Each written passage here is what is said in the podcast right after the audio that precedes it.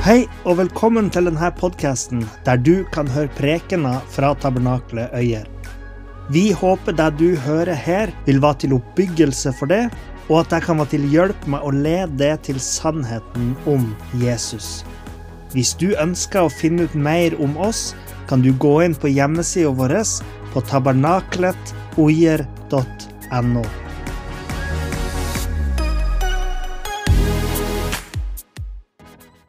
Forrige uke så gikk vi gjennom noen profetier. For dere som kanskje ikke har vært her før, så har vi, vi snakka om profetier om Messias, som det står bak meg her ganske tydelig.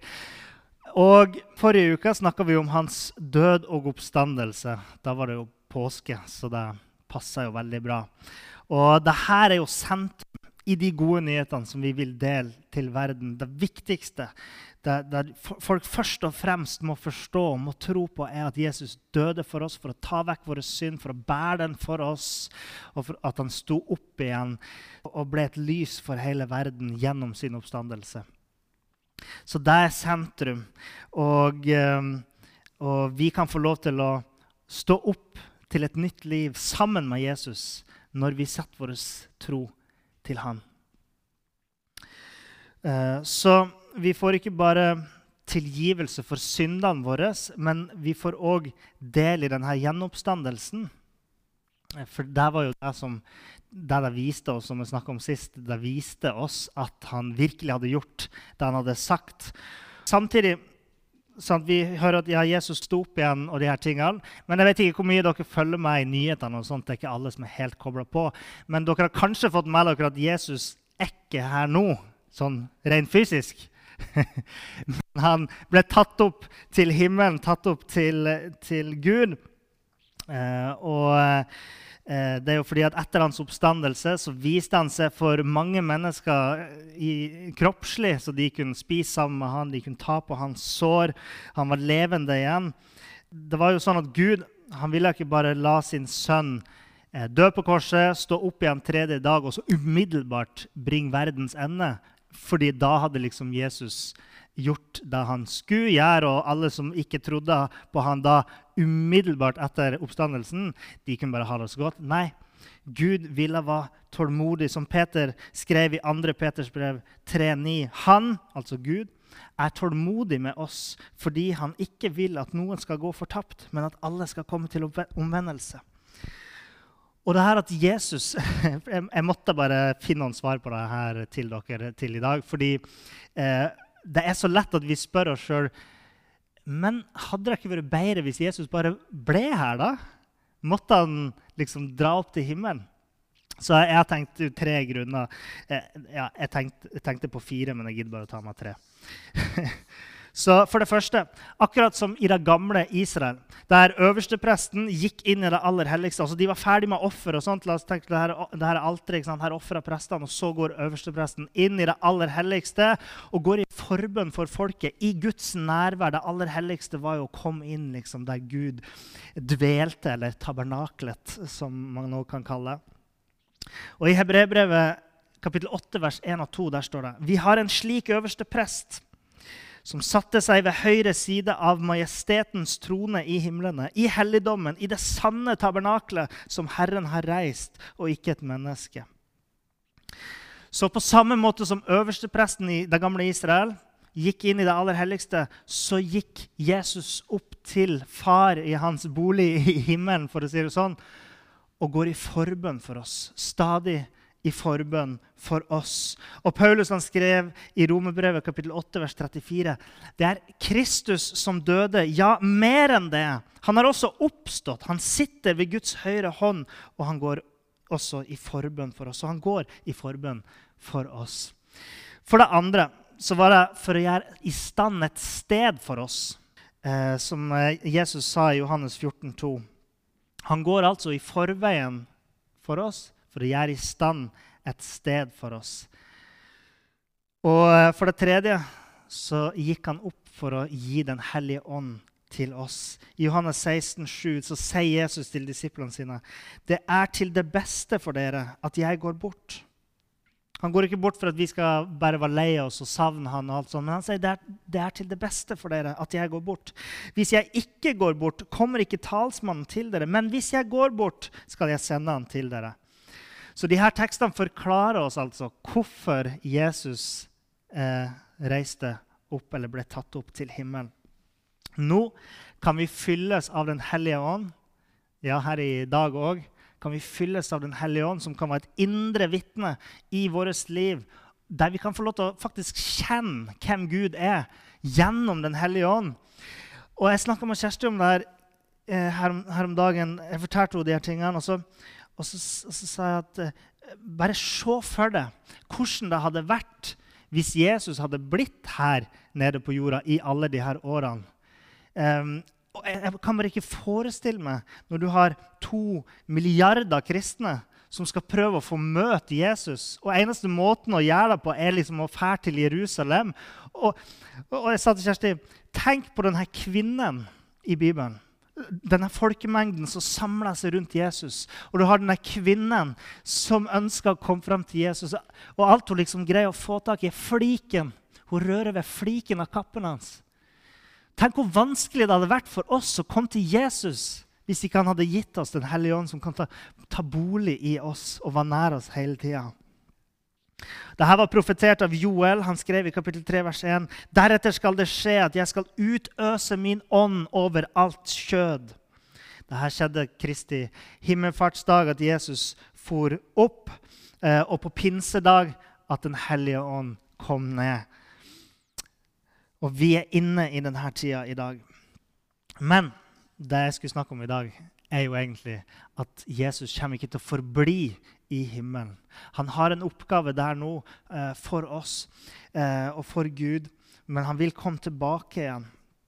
Og Det vil si at vi nå beveger oss inn i de uoppfylte profetiene i Bibelen. Okay? Vi har sett på alle de her forskjellige profetiene om livet til Jesus, eh, døden, oppstandelsen og himmelfarten, eller at ånden skulle komme.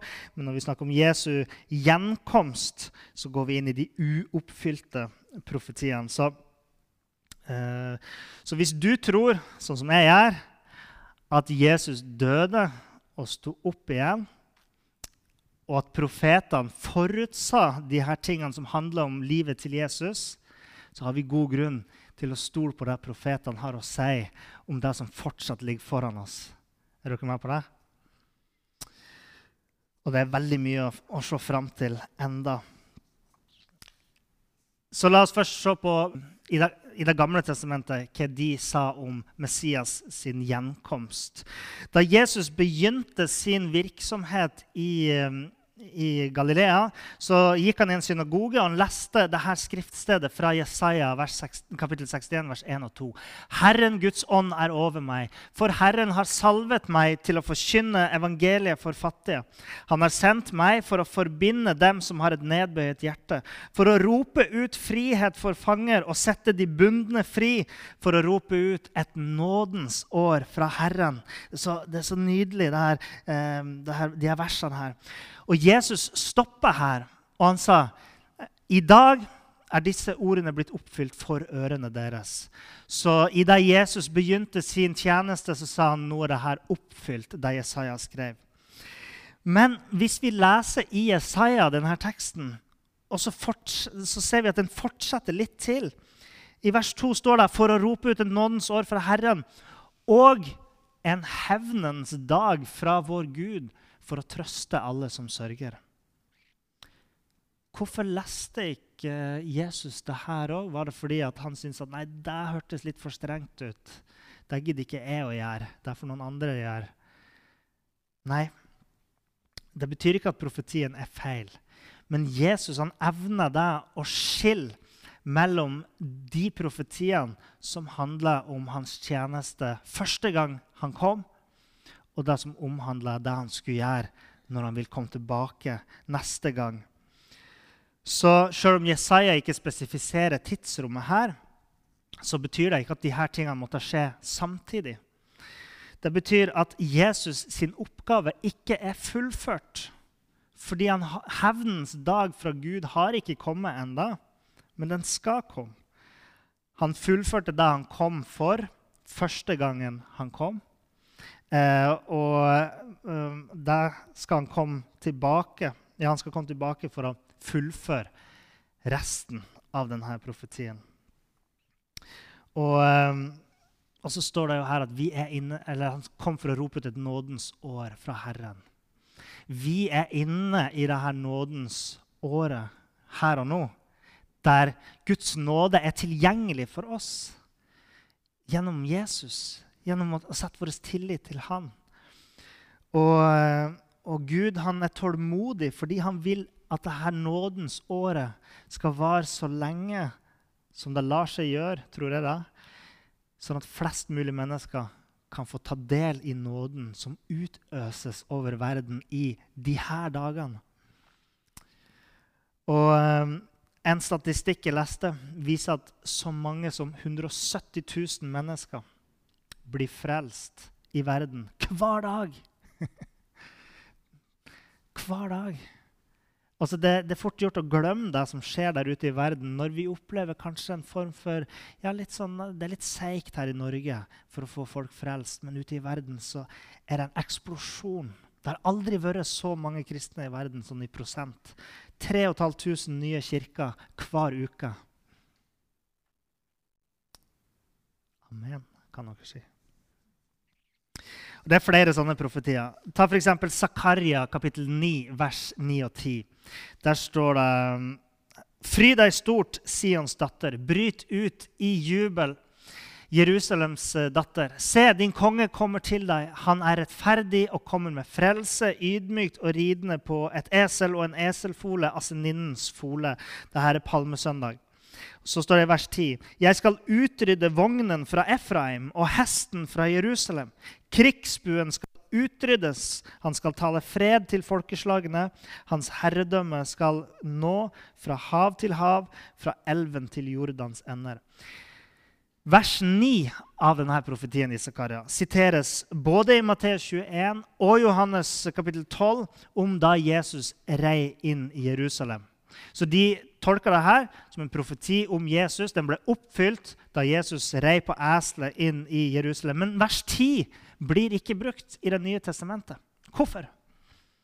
Av akkurat samme grunn som at siste delen av Jesaja 61,2 ikke blir brukt i Det nye testamentet om da Jesus var her den gangen. Eh, fordi vers 9 snakker om første gangen Jesus skulle komme vers 10 snakker om andre gangen han skulle komme. Zakaria snakker her om utryddelse av våpen. Det er stridsvogner, det er krigshester, det er krigsbuer som skal utryddes. Eh, og så er det neste som skal skje, at Messias skal tale fred til folkene ved hans ord. Ved, ved, ved ordets makt skal fred komme til verden. Og denne freden vil være over hele verden. Og dette har jo åpenbart ikke skjedd enda, så denne delen av profetien peker faktisk framover mot Messias sitt andre komme. Er det greit å henge meg på det? Fint. Zakaria han sier mer om det her. Faktisk sier jo Zakaria den eh, profeten i Det gamle testamentet som siteres mest i Det nye testamentet. I kapittel 14 så snakker han om Herrens dag som skal komme. I vers 4 så står det jo eh, det her På den dagen skal hans føtter stå på Oljeberget. Og når Zakaria i begynnelsen av kapittelet snakker om det her med, med Nei, i kapittel 13 snakker om det her med, med at Messias han blir slått med sverd, han blir drept og han snakker om Herrens dag, eh, så snakker han nå om, om en eller annen gang i framtida. Det er et eskatologisk uttrykk. Det handler om liksom endetida og den type ting. Så her kommer han i, i kapittel 14 og sier på den dagen, altså på Herrens dag, den siste dag, skal hans føtter stå på Oljeberget. Ja, Ikke nødvendigvis den siste dag, men endetida, liksom. Når Det nye testamentet snakker om Oljeberget, så er det ut, nesten utelukkende at Jesus kommer og er på Oljeberget når, når Nye testamentet nevner det. Så det er alltid i sammenheng med Jesus. Uh, og I vers 9 så står det i, Zekaria Herren skal være konge over hele jorden. Og vers 16 det skal skje at alle som blir igjen av alle folkeslagene som kommer imot Jerusalem, skal år etter år dra opp for å tilbe kongen, herskarenes herre. Og det her med at alle folkeslagene skal komme opp til Jerusalem og tilbe denne, denne messianske kongen, det minner oss om Husker dere jeg snakka om eh, Jakob, denne patriarken? Han velsigna de tolv sønnene sine. Han velsigna Juda i første Mosebok, eh, kapittel 49, vers 10. Så velsigna han sønnen sin Juda, som da ble stamfar til Judas eh, hus i Israel. Og han sa Kongespiret skal ikke vike fra Juda, heller ikke herskestaven fra hans føtter, før Kilo kommer. Ham skal alle folkeslag lyde. Og han snakka om, om, Messias og det messianske kongedømmet. Alle folkeslag skal lyde han. Så dette var jo en profeti som både pekte mot kong David og hans etterkommere, men òg mot Messias, Davids sønn.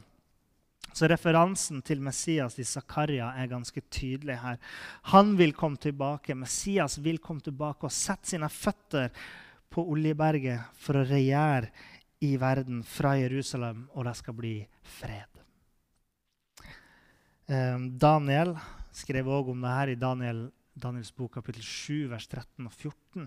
Der skriver han.: Jeg så i de nattlige synene, og se, en som ligner menneskesønnen, kom med himmelens skyer.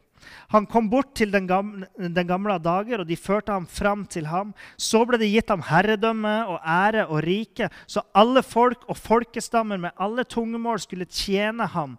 Hans herredømme er et evig herredømme som ikke forgår, og hans rike er det som ikke kan ødelegges, skal ødelegges. Og de her tingene vil bli bekrefta ved tegn som f.eks. at mange folkeslag går til krig mot Jerusalem. Det skal bli en verdensomspennende fred. Himmellysene skal slutte å, skinne. Eh, men det skal være lyst hele tida fordi Gud vil være lyset.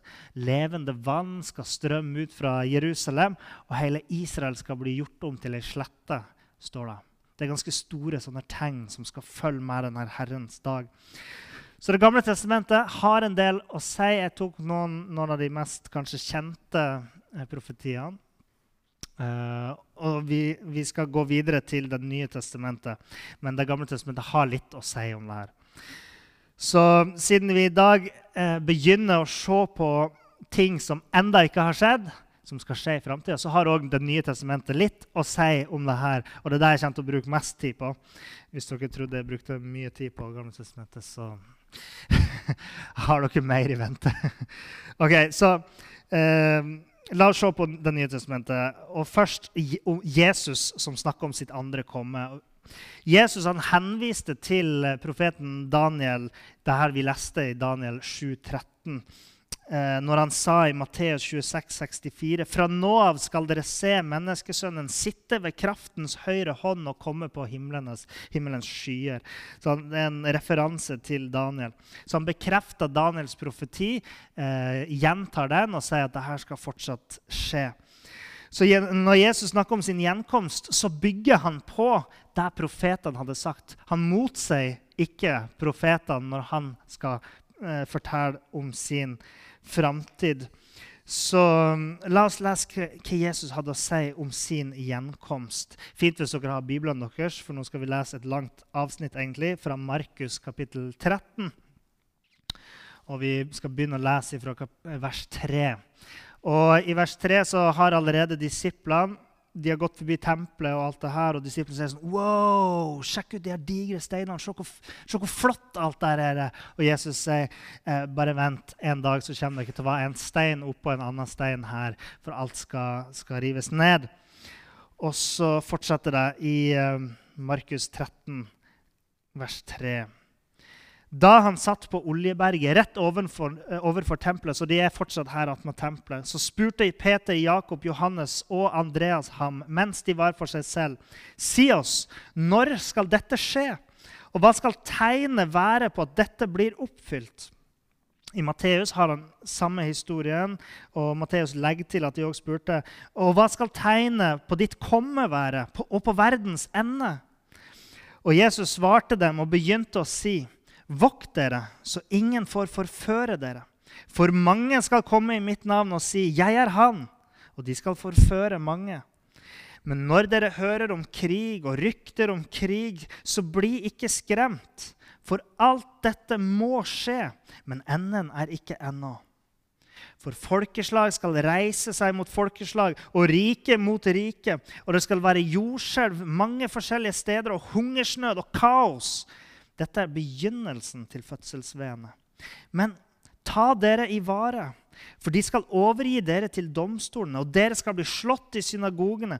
Dere skal bli ført fram for herskere og konger for min skyld, til et vitnesbyrd for dem.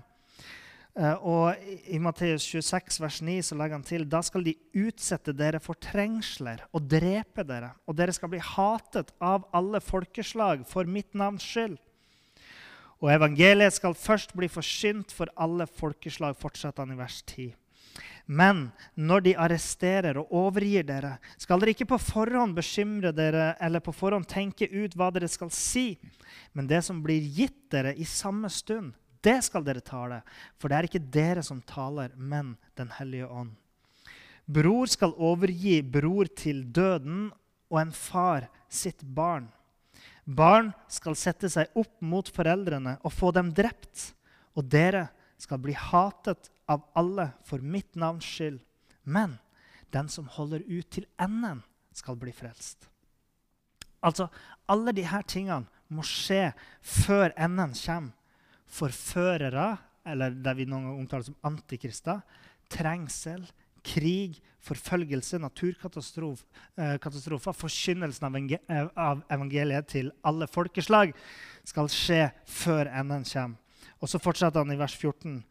Når dere ser ødeleggelsens avskyelighet, den som er omtalt av Daniel, profeten, stå der hvor den ikke skulle stå. La den som leser, forstå, ko uh, kommentere Markus. Jo, takk for det. Det er ikke så lett å forstå alt det her. Men Eh, da må de som er i Judea, flykte opp i fjellene. Den som er på hustaket, må ikke gå ned og inn i huset for å hente noe. Og den som er ute på marken, må ikke gå tilbake for å hente kappen sin. Men ved dem som er med barn, og dem som gir spedbarn die i de dager, be om at deres flukt ikke må finne sted om vinteren. For i de dager skal det bli slik trengsel som det ikke har vært siden begynnelsen av skapningen, den Gud skapte, inntil nå, og heller aldri mer skal bli. Hvis ikke Herren hadde forkortet de dagene, ville ikke noe menneske bli frelst. Men for de utvalgtes skyld, dem som han utvalgte, forkortet han de dager. Hvis noen sier til dere, 'Se, her er Kristus', eller 'Se, der er han', da tro det ikke. For falske Kristuser og falske profeter skal stå fram, og de skal gjøre tegn og under for å forføre de utvalgte, om det var mulig.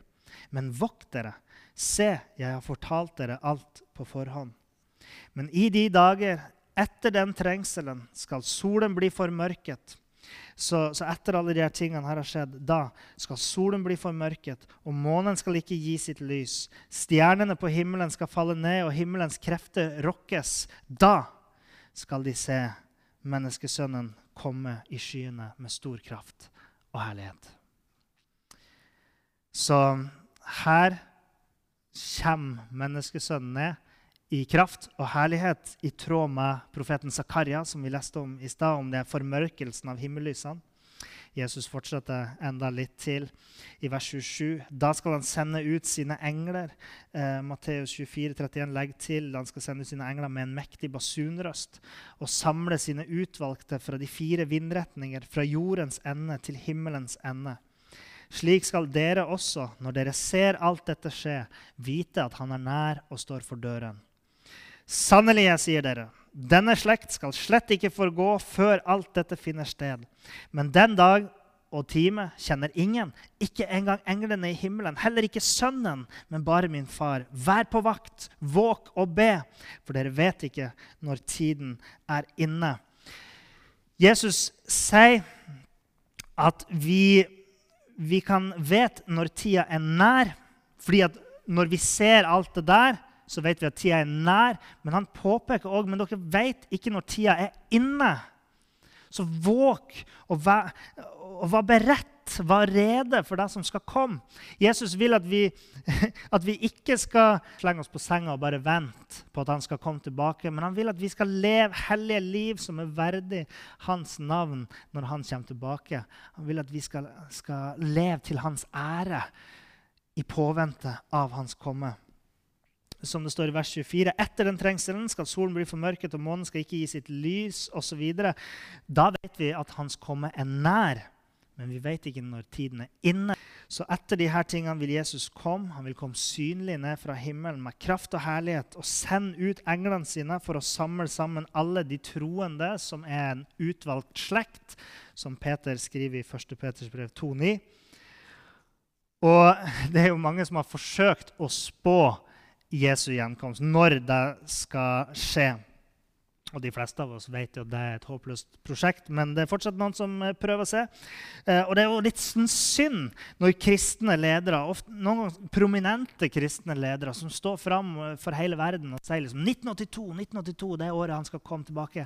Jeg leste nettopp om en fyr, en forfatter, jeg husker ikke navnet på han, Weinenhardt eller noe sånt. I 1988 så, skrev han, nei, så solgte han ei bok som heter 88 grunner til at Jesus kom kommer tilbake i 1988. Ok?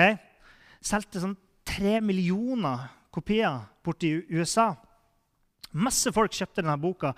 En som jobba i bokhandelen på den tida, fortalte at, uh, at de bokhandlene sa du, du må bare presse på å få solgt denne boka før 1989. Naturligvis. For i 1989 så kom ikke den boka til å selge så godt. Det som var så merkelig med den historien med han her forfatteren, var jo at når 1989 kom, så ga han ut en revidert utgave av boka si som ikke solgte veldig bra. Så folk lot seg ikke lure en gang til av denne karen. Og Jeg husker godt sjøl i 2011, mens jeg var teologistudent, så, så syntes vi det var veldig spennende um, rundt mai og oktober 2011, fordi en uh, en eh, kristen fyr som heter Harold Camping fra USA, han forutsåg forutså eh, Eller han spådde Han forutsåg det ikke. Han spådde at Messias, eh, Jesus, ville komme tilbake 21. mai 2011. Så det var veldig spennende å se. Hadde han rett? Så klart hadde han ikke det. Og da, da hadde han regna litt feil, så han utsatte det til, til 21. oktober 2011, tror jeg. Så da var vi spent. Nå, vet du var han, nå var det hans femte eller sjette forsøk på å spå riktig dato. Han hadde holdt på på 90-tallet òg og prøvd seg. Det slo ikke til, så han prøvde en gang til. Eh, nei, skjedde ingenting i oktober heller. Så det tok så mange forsøk da, for han før at han, eh, eh, før at han innrømte det at, eh, at man kan ikke kjenne dagen eller timen og Han sa sjøl i ettertid at han nå så på det som en synd å prøve å, å, prøve å fastsette dagen og timen. Så ja, derfor han står for. Men Jesus er klar på én ting, og det er at han vil komme tilbake. Han kommer tilbake, og det er visse ting som skal skje først. I Matteus, som dere har skjønt, så har Matteus en parallell episode eh, der Jesus underviser de samme tingene sine. Og Der fortsetter han litt til, og han sier i Matteus 24 fra vers 36.: Den dagen eller timen kjenner ingen, ikke engang englene i himmelen, men bare min far. ikke sant? Der sto i Markus òg. Slik det var i Noas dager, skal det også være når menneskesønnen kommer. For i dagene før vannflommen spiste og drakk de, giftet seg og ga til ekte, helt til den dagen Noah gikk inn i arken. Og de forsto ingenting før eh, flommen kom og tok dem alle bort. Så denne flommen kom og tok vekk de onde menneskene. ikke sant? Det var poenget med flommen. Og her brukes uttrykket 'tok dem alle bort'. Slik skal det også være med menneskesønnens komme. Da skal to menn være ute på marken. Den ene blir tatt med, den andre blir tilbake. To kvinner skal male på kvernen. Én blir tatt med, og den andre blir tilbake. Våg derfor, for dere vet ikke hvilken time Deres Herre kommer. Og eh, Dere har kanskje hørt det, og jeg har hørt denne teksten blitt brukt om denne eh, såkalt eh, bortrykkelsen. At, eh, at ja, det, det, er den troende som blir tatt bort. Um, men ja, det er jo de som er ond, som blir tatt bort i denne sammenhengen. Fordi Først så skriver Matteus om Noas dager, hvordan flommen kom og tok de bort. Og så er det det samme som skjer når menneskesønnen kommer. Den ene blir tatt med, den andre blir ikke. Og hvis man, hvis man, vil være mer sikker på at det er de onde som blir tatt bort, så kan man bare gå til Lukas kapittel 17, der vi òg har denne samme undervisninga fra Jesus. Eh, vers, vi kan lese fra vers 37. Der får vi vite at disiplene de spurte Jesus om de her menneskene som ble tatt bort. Hvor? Hvor skulle de ende opp? Og Jesus sier to skal være ute på marken. Den ene skal bli tatt med, den andre skal bli tilbake. Og de svarte ham, 'Hvor, Herre?' Da sa han til dem, der hvor åtselet er, der skal gribbene samles. Hvor skal de tas bort? Til et sted der det døde kropper, der gribber samles. Man får um, et bilde av nesten som en slagmark, ikke sant? Der, der folk har dødd. Så de her personene som blir tatt bort, blir altså tatt bort til et sted med død og fordervelse, der åtsel eller de her døde kroppene er der gribbene samles. Så dette handler om dommen på den siste dag. Eh, ikke denne bortrykkelsen. Men jeg vet ikke hvor vanlig det er å, å lese den teksten sånn uansett. Eh, men jeg håper i hvert fall at dette ikke handler om de troende, fordi det høres ikke så veldig hyggelig ut. Eh, tvert imot så snakker jo Jesus om denne dommen. Og han snakker flere plasser om denne dommen som skal komme over menneskene som, ikke, som ikke tror på han, sånn som i Matteus 13, 41. Der sier han menneskesønnen skal sende ut englene sine, og de skal samle sammen og ta ut av riket alt som er til anstøt, og dem som driver med lovløshet. De her vil bli tatt ut av hans rike når han kommer for, for å regjere blant oss. Men det er òg mange andre tekster som handler om Jesu andre komme. I Apostelens gjerninger 1,11 står det den samme Jesus som ble tatt opp fra dere til himmelen, skal komme igjen på samme måte som dere så ham fare opp til himmelen. Apostelens gjerninger 3,21 han må være i himmelen til tiden kommer da alt det blir gjenopprettet som Gud har talt om fra eldgamle dager ved sine hellige profeters munn. Så han skal komme tilbake. Hebreerne 9,28 sier for dem som venter på ham med iver, skal han vise seg for andre gang uten å bære synd, til frelse. Denne gangen ikke for å bære verdens synd, men han kommer for å frelse. Jakob, broren til Jesus, han skriver i Jakobs brev, kapittel 5, vers 7.: Vær derfor tålmodige, søsken, helt til Herrens gjenkomst. Det samme som eh, Jesus underviste om å være tålmodig og våk. ikke sant? I Johannes' åpenbaring skriver Johannes Se, han kommer med skyene, og hvert øye skal se ham. Så ja, Hvordan skal alle kunne se Jesus når han kommer tilbake igjen? Jeg synes Det var litt morsomt Terje Berg var her og om det. Det var et veldig interessant eh, perspektiv som jeg ikke har tenkt så mye på egentlig før. Eh, men han snakka om det med at eh, se på teknologien vi har rundt oss. det At vi kan ha gudstjeneste når folk sitter liksom hjemme. Det er jo bare småtteri i forhold til, eh, eh til um, den totale teknologien vi har tilgjengelig. der der hvis Jesus hadde kommet tilbake og alle verdens uh, nyhetskamera hadde filma på han, så hadde nesten hele verden fått vite om det ganske kjapt. Uh, men ikke alle i verden har jo tilgang på liksom, mobiltelefon, nettbrett, datamaskin og de her tingene her, så, eller TV til og med. Så akkurat hvordan det vil skje, det vet jeg ikke. Men det, det, var, det var, et interessant perspektiv da fra han. Så informasjon skal i hvert fall komme verden rundt eh, om at Jesus kommer tilbake. Alle skal se det, sier Johannes. Så Paulus han skriver jo en del om det her eh, i sine brever. Så la oss eh, se på det. Nå har vi sett på Jesus, og så bare noen sånne småvers, og så Paulus. Han skriver om det her i 1. Korinterbrev, kapittel 15, der Paulus snakker om oppstandelsen fra de døde. I dette avsnittet i brevet han snakker generelt om oppstandelsen fra de døde. Først om Jesu oppstandelse fra de døde og hva det vil bety for oss. For deretter så snakker han om de troendes oppstandelse fra de døde.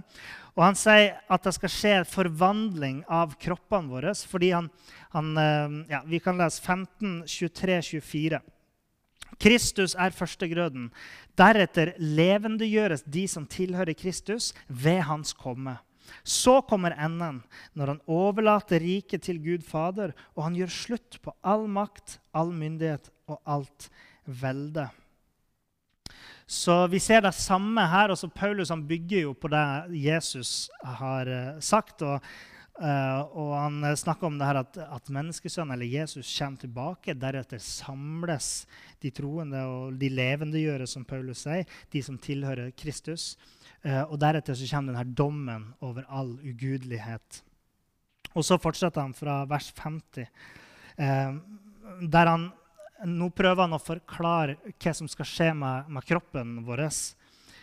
men dette sier jeg, søsken at kjøtt og blod kan ikke arve Guds rike. Det forgjengelige arver heller ikke det uforgjengelige. Se, jeg forteller dere en hemmelighet. Vi skal ikke alle sovne inn, men vi skal alle bli forvandlet i et nu, på et øyeblikk, ved den siste basun. For basunen skal lyde, og de døde skal oppstå uforgjengelige, og vi skal bli forvandlet. Så vi ser fra de her tekstene her at Jesus han ville komme tilbake en andre gang, på samme måte som da han ble tatt opp i himmelen, sto det i Apostelens gjerninger, altså fysisk eller synlig. ikke sant? Der de døde i Kristus vil bli gjort levende igjen. Og de troende som på det tidspunktet er i live med kroppene sine, vil bli forvandla. Fordi det er det Paulus prøver å svare på her. Det er noen som spør ikke sant? Ja, hvem av kroppen vår skal vi, liksom, skal vi liksom leve evig i denne kroppen. eller hva de spør om. Eh, så, så, det er jo spørsmålet om oppstandelse som er hovedtema. Og, og, folk lurer på ja, hvem er kroppen. da? Så Paulus sitt poeng er å forklare dem av oppstandelsen av kroppen at vår fysiske kropp må først bli forvandla før vi kan tre inn i riket. Først kommer denne basunen som han snakker om. Så står de døde opp. Og så blir de som fortsatt er levende på det tidspunktet Kanskje er det noen av oss her. det vet jeg ikke. Kanskje mine barn. Hvem vet? De vil bli forvandla i et nu, på et øyeblikk. Deres kropp vil bli herliggjort. De vil få et herliggjort legeme. Og Paulus sier det vil skje sånn. Det vil ikke være sånn at Gud må, må sette oss spikk liksom, på kroppen vår for å forme oss slik han vil ha oss. Nei, sånn skjer det. Paulus skriver også om Jesu gjenkomst i 1. og 2. Tessalonikerbrev, som er noen av de tidligste brevene han skrev. Ja, og først så så skrev han om at vi alle troende må holde ut og leve hellige liv, sånn som Jesus snakka om. At, at uh, vi må våke og være, være rede. Så mm, Paulus spinner videre på det her. Vi må leve hellige liv inntil Kristus kommer tilbake. Og han skriver i 1. Tessalonikerbrev kapittel 3, vers 13, der, der, ber han for de kristne om at eh, så, ja, jeg kan lese det, så han kan styrke deres hjerter til å være ulastelige i hellighet framfor vår Gud og Far ved vår Herre Jesu Kristi gjenkomst med alle sine hellige, eller når vår Herre Jesu Kristi kommer tilbake med alle sine hellige. Så uh, Han snakker om det her at troende vi, vi må alle være klar, vi må være klar for denne dagen når Jesus kommer tilbake. ikke sant? Uh, og Så fortsetter han i kapittel 4 da, eh, i første Tessalonikerbrev. Eh, der skriver han i vers 16 og 17.: For Herren skal selv med et rop, med en overengels røst og med Guds basun så vi har denne basun igjen da, stige ned fra himmelen. Og de døde i Kristus skal først stå opp. Deretter skal vi som lever og er igjen, bli rykket opp i skyer sammen med dem for å møte Herren i luften. Og så skal vi alltid være med Herren. Så igjen så har vi det samme mønsteret som vi så i stad. At Jesus kommer ned fra himmelen. Eh, og her ser vi et rop, eh, en overengels røst, en basun, eh, der de troende, både de døde og de levende, skal bli samla sammen for å være sammen med Jesus. Eh, så her påpeker Paulus at Jesu andre komme vil være med ja, Det virker som ganske stor fanfare. Eh, og deretter skal de døde bli levendegjort. Og deretter så vil vi bli forvandla, som han snakker om i 1. Korinterbrev. Og det her ordet 'møte' som brukes her, det syns jeg var litt eh, spennende, fordi det er apantesis på gresk. Og det brukes eh, stort sett i Bibelen ja, Nesten alltid, tror jeg. Jeg husker ikke helt. Men eh, nesten hver gang det brukes i Bibelen, så handler det om, om, eh, om noen som går ut. F.eks. de er i en by, og de venter på noen som kommer gående. Og så går de ut av byen. ikke sant? Se for deg en konge som kommer. De går ut. 'Å, kjære konge, ærede konge, kom inn i byen vår.' La, la oss følge deg inn i byen vår. Og det synes det var så, det var så vakkert bilde det her med at, at, uh, at vi, skal, vi, skal, bli rykka opp. Vi skal fly, egentlig, for å ta imot han når han kommer. Og vi skal få lov til å følge han ned på jorda eh, i hans endelige seiersinntog i verden. Det er ganske mektig å få lov til å, å komme han i møte på denne måten. Så fortsetter Paulus i kapittel 5. Rett etter det her så skriver han om tider og stunder, søsken, trenger dere ikke at det blir skrevet til dere. For dere vet selv meget godt at Herrens dag kommer som en tyv om natten. Og Jesus hadde også undervist om det her. Når noen sier 'fred' og 'ingen fare', da kommer en plutselig ødeleggelse over dem, som fødselsvene over den som skal føde. Og de skal slett ikke slippe unna. Men dere, søsken, er ikke i mørket, så denne dagen skulle komme over dere som en tyv. Ok?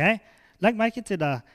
Dere kristne søsken er ikke i mørket, sånn at denne dagen skulle komme like overraskende som et tyv. Husker dere sa at Jesus han sa at vi kan vite når tida er nær, bare ikke når den er inne så, så skriver Paulus dere er alle lysets barn og dagens barn. Vi tilhører ikke natten eller mørket. Så han snakka igjen i tråd med det Jesus underviste i Markus eh, 13 osv. Eh, og, og pga. alle de her parallellene mellom det Paulus sier, til det som Jesus sa, så skjønner man at her er det utvilsomt sånn at Paulus har hatt kjennskap til Jesu undervisning om hans gjenkomst og har bygd videre på det. Kanskje har han fått noe ytterligere eh, eh åpenbaring fra Gud eller hørt ytterligere om denne undervisninga til Jesus, men, men, han baserer seg ganske sikkert på Jesu ord. Så Jesus han sa det her at vi kan vite når tida er nær, og Paulus sier at det er verre for de som ikke er i lyset, for de har aldri hørt om at Messias skal komme tilbake. De, de, har ingen forventning om Jesu gjenkomst. De har ingen glede i håpet om hans gjenkomst. De kjenner ikke profetiene om at han skal komme. De vet ingenting om hans andre komme. For de så vil det være som lyn fra, fra klar himmel, som en tyv om natta, om du vil. Og Derfor er det viktig at vi snakker om det, sånn at folk i hvert fall veit. I sitt neste brev så skriver Paulus i kapittel 2, eh, vers 1-4. Når det gjelder vår Herre Jesu Kristi gjenkomst, søsken, og vår samling med ham, ber vi dere om ikke så raskt å bli brakt ut av fatning eller bli rystet, verken ved noen ånd eller ved noe ord eller brev, som om det skulle komme fra oss, om at Kristi dag allerede var kommet kommet, la ingen forføre dere på noen måte. For den dagen kommer ikke uten at frafallet først er kommet. Og her diskuterer man litt hva dette frafallet er. Og syndens menneske åpenbart fortapelsens sønn. Eh, han er den som står imot og opphøyer seg over alt det som kalles Gud, eller som blir tilbedt. Så han sitter som om han var Gud i Guds tempel, og viser seg selv fram som om han var Gud. Så Paulus er ganske klar i sin tale om at vi, skal, vi må ikke la oss lure av noen som sier du snakker om Jesus. Ja, han var jo her i går. Nei, ikke la dere lure av de som sier det. Uh, alle har jo sikkert hørt en historie, som, sånn som en historie jeg leste her om dagen. når jeg med det her. Han, han, sa at en gang han hadde glemt å stille tida, klokka tilbake. Så møtte han opp kir ved kirka. ikke sant? Det var ingen folk der, ingen biler, ingenting. Og, og på denne, denne, delen av livet så var, han, så var, han, veldig opptatt av det her med endetida. Så han trodde at å, de andre har blitt henta opp til himmelen, mens jeg står igjen her nede. det er en klassisk sånn historie som man kanskje har hørt noen gang. Men Paulus han skriver jo da at Jesu gjenkomst vil ikke komme før det her frafallet har kommet. Så kan man diskutere hva det er, for noe, men det, det har jeg ikke tid til. Og Ifølge Paulus så skal Jesu gjenkomst heller ikke komme før denne syndens menneske blir åpenbart. En person som på alle måter ser ut til å være en antikrist. Um, ut ifra beskrivelsen som Paulus gir her, uten at han bruker det ordet. da. Men antikrist betyr jo noen som er mot Kristus. ikke sant? Så her er det en spesiell um, antikrist, ser det ut som for meg. Uh, så det er det Paulus skriver om det her.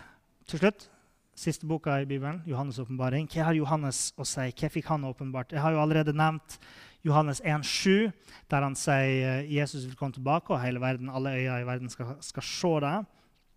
Eh, så det er første gangen Jesu andre komme blir nevnt i åpenbaringa. Så, omtrent midt i boka, i kapittel 11, så annonseres Kristi herredømme over jorda med den syvende og siste av basunene i åpenbaringa. Der står i vers 15-19.: Da blåste den sjuende engelen, og det lød høye røster i himmelen som sa:" Denne verdens riker tilhører nå vår Herre og Hans Kristus, og han skal herske som konge i all evighet. De 24 eldste som satt foran Gud på tronene sine, falt ned på sitt ansikt, tilba Gud og sa, 'Vi takker deg, Herre Gud, du allmektige, du som er og som var og som kommer, fordi du har grepet din store makt og har hersket som konge.' Folkeslagene raste, og din vrede er kommet, og tiden da de døde skal bli dømt, da du skal lønne dine tjenere, profetene og de hellige og dem som frykter ditt navn, liten og stor og da du skal ødelegge dem som ødelegger jorden. Så, så det har denne dommen, samtidig som det kommer, kommer lønn til de som frykter Gud. Eh, profetene og, og, alle sammen de får sin lønn på dette tidspunktet. Så ble Guds tempel i himmelen åpnet, og hans paktsark kunne ses i hans tempel. Og det kom lyn, bulder, torden, jordskjelv og veldig hagl. Eh, så det kommer sånne mektige tegn i naturen på, denne, på denne dagen. Så i det det blåses i denne syvende og, og siste basunen, som, som, Paulus òg snakka om, eh, og med høy røst fra himmelen, så annonseres altså at Kristus skal herske som konge over jorda i all evighet. Døde skal bli dømt, men alle de som frykter Gud, skal få sin lønn. Alle de som tilhører Han, skal få sin lønn. Men de som ødelegger jorda, som er her for å, for å tjene en annen herre enn den sanne herre, de vil bli ødelagt. Så selv om det ikke spesifikt nevnes her altså sånn ordrett at ja, Messias steg ned til jorda, så skjønner vi ut ifra innholdet her at det er snakk om Jesu andre komme. Spesielt når vi ser det i sammenheng med de her andre tekstene som vi har sett på. Så her har vi den samme tematikken som i de andre tekstene, med denne store fanfaren. altså Det blåses i basun, og, og det er de her røstene i himmelen. Kristus hersker som konge. Han eh, har sin dom over de ugudelige. Sant? Han, husker dere vi leste i Gammeltestamentet? Han, han eh, eh utrydda de her eh, vognene, de her hestene og de her krigsbuene. Eh, så han skaper, skaper fred. da. Og... Og eh, han samler sammen de troende, for han skal jo gi dem lønn. Så alle de troende skal få, få lønn. Så vi ser den samme tematikken her. Um, så er det én siste ting jeg vil uh, nevne i forbindelse med Jesu gjenkomst.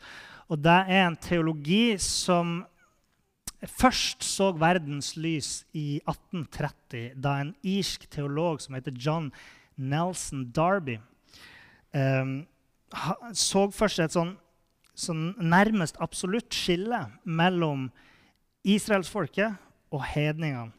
Sånn at um, det skillet var så sterkt at han så for seg at Gud hadde én plan for kirka og en annen plan for Israel. Og det er klart, Gud har jo visse ting som er forskjellige med, med, planene sine imot de her folka, men han var veldig, veldig sterk på, på skillet her. Eh, så sterkt at man ifølge hans teologi kan vel egentlig si at Det gamle testamentet og evangeliene og helt fram til Apostelens gjerninger kapittel 2 Alle de tingene handler bare om jødene. Okay? Så, så, Jesus han, han kom for jødene og liksom han snakka til jøder, for jøder, alt det her. Og så fra Apostelens gjerninger 2 så var det for kirken. Noen har vært enda mer ekstreme og, og, kanskje endt opp med bare ett eller to brev fra Paulus. Eller bare fengselsbrevene fra Paulus. At det er bare de brevene som gjelder for kirka, og alt det andre er til jødene. Men Så han mente da at trengselstida og tusenårsriket det var for jødene. Og Derfor så måtte Jesus komme tre ganger. En gang for, eh, for, eh, for, å dø og stå opp igjen. En gang for å hente kirka før trengselstida og tusenårsriket, eh, eller bare før trengselstida, kanskje, og en gang for, for jødene sin skyld. Og Dette er jo kjent som denne læren om bortrykkelsen. Og Det er jo det her jeg har trodd på nesten hele livet. Kanskje ikke når jeg var bitte, bitte liten, men nesten hele livet. så jeg trodd på dette synet. Og, som ung så, så vi jo de her Left Behind-filmene. Har dere hørt om de? Ja. Eh, på 2000-tallet, der, der, alle de kristne plutselig en dag bare hadde forsvunnet fra verden. ikke sant?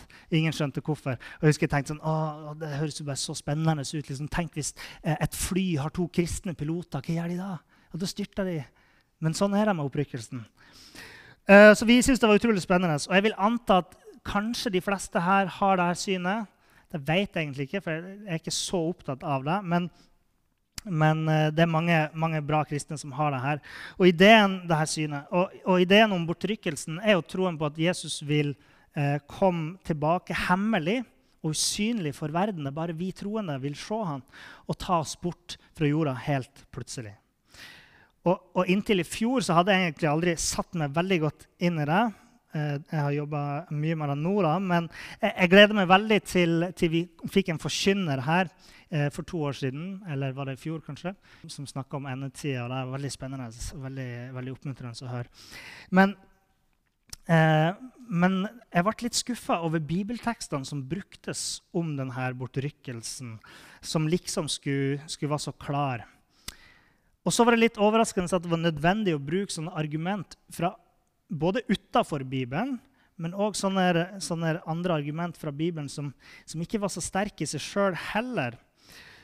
Ehm, så, så, hvis du har tenkt at bortrykkelsen var noe som kanskje mangla i min gjennomgang av de her tekstene, så, så er det fordi at uh, jeg rett og slett ikke finner det uh, i Bibelen. Uh, men ja, kanskje du har fått en hemmelig åpenbaring om det som jeg har fått, og, og det er fint. Men, men når jeg eh, når jeg skulle ha en gjennomgang av denne Jesu gjenkomst, og sånt, så, så, kunne jeg ikke på min egen samvittighet legge, legge fram dette synet. Så jeg håper dere har forståelse for det og, respekterer respektere, det. Men, eh, men eh, jeg, jeg, jeg, ser det ikke når jeg, når jeg leser i Bibelen, så jeg kunne ikke ha det med. Men uansett om man tror på bortrykkelsen eller ikke, så er de store linjene de samme i denne fortellinga. Jesus vil en dag komme tilbake i en strålende herlighet, eh, der han vil samle sammen de troende til seg, eh, levende og døde. Han vil dømme alle de som har forkasta han. Han vil opprette sitt evige kongerike, og vi skal få være med sammen med han i all evighet. Det er jo de store linjene her. Så, så hva, hva enn man tror på, så er det ikke det som avgjør om du blir med denne dagen når Jesus kommer, eller ikke. Uh, det er ikke, Dette er ikke et avgjørende punkt, liksom, hva man tror om detaljene i alle det her. Men vi tror på Jesus, og vi venter på han og har forventning om at han skal komme tilbake. Uh, det er det som er viktig. Og kristne kan, kan, være så uenige om alle detaljer som har med endetida å gjøre. Og sånn at Det er så mange meninger her. Men det viktigste poenget mitt i dag er at vi som troende vi kan glede oss i forventninger om den dagen Jesus kommer tilbake. Vi kan bruke all den tida vi har her, på, å komme, komme nærmere Gud i Den hellige ånd. Vi trenger ikke å sette og vente bare passivt på at han skal komme. Men vi har en levende Gud nær oss nå så vi kan trene oss sjøl i å vandre i de, de, eh, fotsporene som Jesus gikk opp for oss da han brøt dødens lenker. Ikke bare eh, er vi tilgitt, men vi er også satt fri til å leve ut det livet Gud vil ha for oss. Og det er ikke et men, det er et uh, ja. Vi har et ja i Kristus til å leve et, et vidunderlig liv sammen med Han og gjøre gode ting for andre. Så Jesus sa Se, jeg kommer snart. I slutten av Johannes' åpenbaring. Se, jeg kommer snart. Og jeg håper at det ikke er ord som, som, som du opplever som negativt, som du frykter. For da, da, da, må du jobbe med å komme nærmere Jesus hvis du kjenner på frykt. Um, jeg håper at jeg vil gi deg fred, de her ordene. Se, jeg kommer snart. Han kommer snart for å ta oss i hånda og leve en evighet sammen med oss. Se, jeg kommer snart er ord til oppmuntring for oss, til glede for oss, til håp for oss. Så jeg håper at det er måten du tar imot de her ordene fra Jesus på. Så som, Jesus, nei, som Paulus sa, eh, at vi må be om at Jesus kan styrke hjertene våre, sånn at vi kan være ulastelige i hellighet framfor vår Gud. Så, så, la oss be til slutt. Herre Far, jeg takker deg for at du har Eh, selv om du ikke trengte det, så har du åpenbart de her tingene for oss om, eh, om hvordan framtida vil se ut. At du faktisk har en plan videre forbi det her livet som vi lever nå. Og om vi dør i dag, eller om vi lever videre, så, så uansett så kommer du tilbake, og da vil vi møte det. Da vil vi få lov til å være sammen med det. Herre Far, jeg bare ber om at du, du, jobber med hjertene til de som er her i kveld. Eh, at, du, at, du, lar de kjenne når de går hjem i kveld. Kanskje når de legger hodet sitt på puta, så lar du de eh, kjenne på en fred og en oppmuntring og en glede og en forventning, Herre, om at de skal få se din herlighet når du kommer ned til oss. Eh, at de skal glede seg over at du snart kommer. Far, for alle de som hører det her og frykter den dagen da du skal komme tilbake. Herre, vis din barmhjertighet til dem. Overøs dem med din nåde og din kjærlighet. La de se mer av hvem du er, og, og la de se mer av hva grunnen til er til at vi skal glede oss over at du kommer tilbake. Vi takker deg for det og for den freden som du gir. Amen.